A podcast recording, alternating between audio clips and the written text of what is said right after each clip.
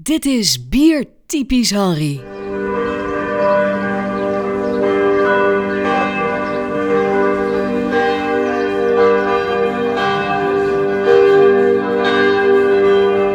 Nu het jaar ten einde loopt, is het goed om stil te staan bij kerst- en winterbieren. Wat zijn dat eigenlijk, kerst- en winterbieren? En de beste om dat te vragen is Jan Magiel van Bracht, de organisator van het grote Kerstbierfestival in Essen.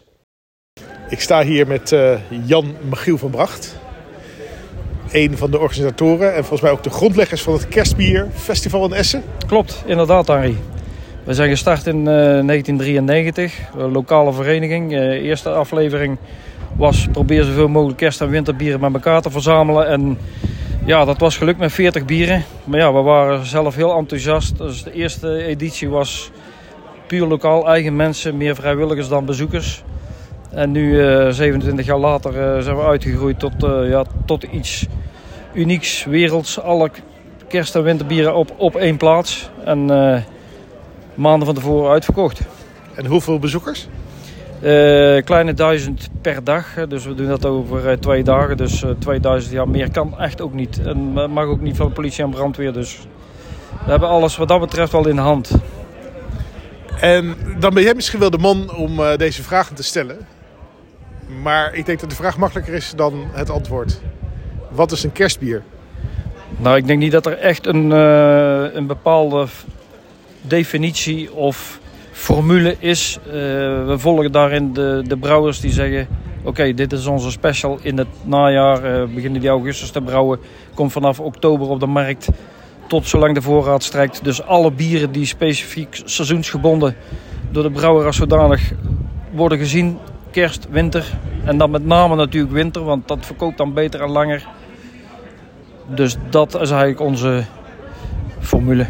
En uh, dat begrijp ik. Uh, misschien zie je ook wel per land uh, wat, andere, wat andere type kerstbieren. Ook te maken met de biercultuur.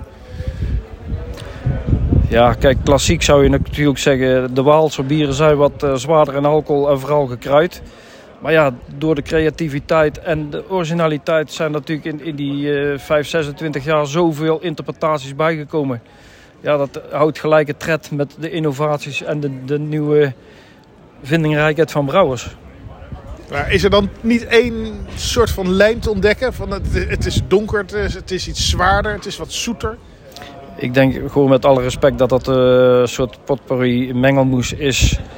Uh, we hebben zelfs alcoholvrije winterbieren, dus zover is het al. Uh, en ja, daar zitten ook uh, hele verrassingen bij. Kleppers van 13, 14 procent. Dus het is het brede scala.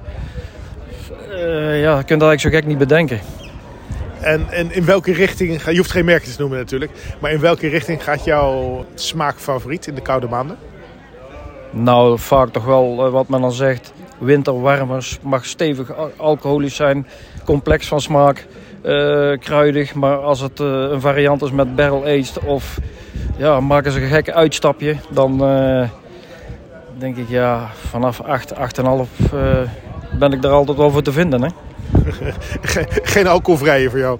Nee, nee, nee. En ik heb toch wel respect uh, voor die brouwers die dat uh, op de markt brengen. En uh, ja, dat ook als winterbier presenteren. Want ja, het is toch best een heel gewaagd project, denk ik. Alcoholvrij bier in de winter. Je zou het niet verwachten. Nee, dat ben ik met je eens. Dankjewel. Oké, okay, succes Henri.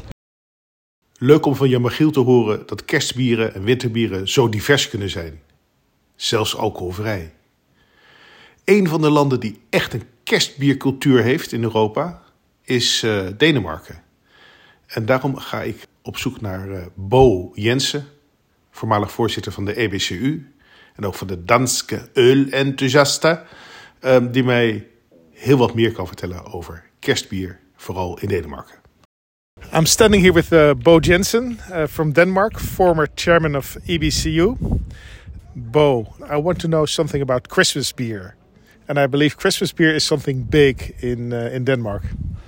It is indeed, uh, but the style Christmas, I've never thought what what is actually been. But in Danish Danish brewing scene, it's uh, uh, spicy, uh, all kind of ingredients. Maybe if you don't bake a cake of it, you put it in a beer, and then you have the Christmas beer. It's cinnamon, it's uh, vanilla, it's all over there.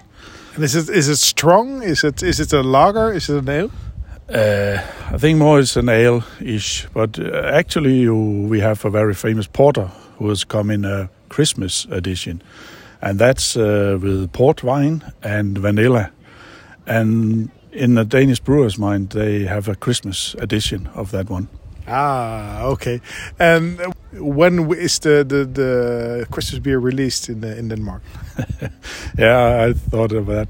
Uh, the, we have a big brewery in Denmark on uh, Valby Bakke in Copenhagen, and they do a Christmas beer every year. Have done for the last many many years, and they have an event. Uh, normally it was the last Thursday in uh, November, but uh, there was no one going into school and studies or whatever on a Friday. Uh, because they release it um, nine o'clock in the evening Thursday, but now it moved to Friday to have a a bit more in uh. But that's all over the country. But that's in marketing for sure.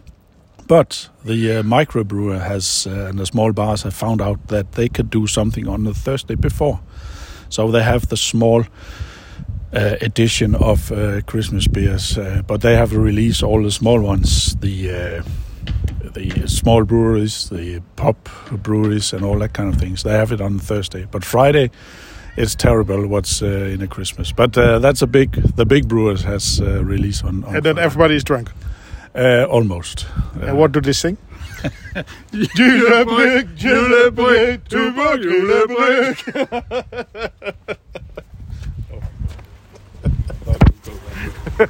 Gaat het nog een beetje, meneer Reuglin?